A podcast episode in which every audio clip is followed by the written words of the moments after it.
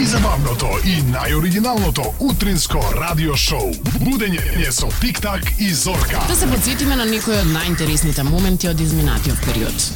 Дали е, виде колку луѓе се појавија на тој протестот, е, хепенингот, што и да беше Не се појави никој или евентуално анимација што споделена информација. Порталите бидејќи јас секако не бев за таму да се мешам со луѓе, мојот што- став од дома ќе си го искажам. Јас го видов договорот што Бил Гейтс го нуди за оние кои што сакаат доброволно да се чипираат, значи такви услови не се пропуштаат. Јас Побарајте си, видете си феноменални услови. Толку добро што во Шведска парче се прави со тоа Да, чипирањето. во, во Шведска повеќе од 3000 луѓе се доброволно чипирани, а е, како следни се наведуваат италијанците. Една компанија на која што името нема да го кажеме за да не ја рекламираме, успешно го спровела проектот за вградување на подкожни чипови во Шведска. Дури 3000 луѓе се, од, се одлучиле за вградување. Ме интересира. Да. Денес да треба да се бара доброволци за чипирање. Дали ќе се пријавиш? Зошто? Прво, сите лозинки и пасворди кои што ги памтам, ги запишувам некаде, ќе бидат во чипот. Второ, Добре. нема да се замарам да носам лични карти, банкарски картички, мобилен телефон, све ми е у чипот. Сакаш пари од банкомат, трак, скенирај го чипот, шлюк ти плукне пари. Сакаш да се јавиш негде, чек чипот на уво, ало, ало, зорке, добра си, добра су. Сакаш да се логираш негде, чекај, треба да голема буква, мала буква, шест бројки, запирка, ваква заграда, таква заграда. Штрак, чипот, чипот се си памти. Мислам дека ќе не ќе не затупи уште повеќе од тоа што сме. Ја памтам кога бев дете, мемориравме телефонски броеви. 236 009. Првиот телефонски број што го имав дома. Пред 35 години уште го памтам. Сега, ја мојот мобилен број не си го знам. Леле, знаеш дека јас многу често кога ќе ми кажат дај ми бројче, а Чекај да видам. 071 ли беше, 075 ли беше.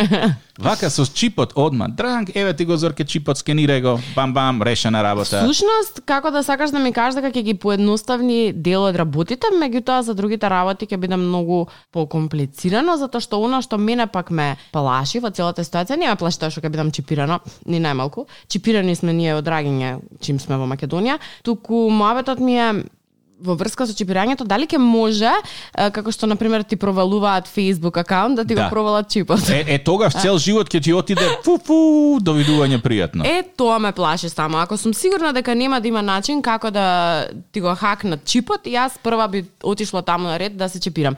Друг ми е мавето. Чипот ќе го заштитиш со со хекса хубер трубер убер лубер джухмаум децимален пасворд кој што ќе мора да има минимум 68 карактери од кои што 24 може да бидат букви, останатите комбинација на бројки и големи. Значи, овие од Министерството што ми ги хакира меловите ќе бидат први хакнати со чипове. Е, да. Добро, и друг момент, дали ќе има некакви опции, на пример вака кога ќе направиш, жена ти одма да скокне. Ако е чипирана, да. Пошто вака обично кога пусти жена у шопинг или на фризер, не знаеш кај, вака со чипот одма, по дома, Да.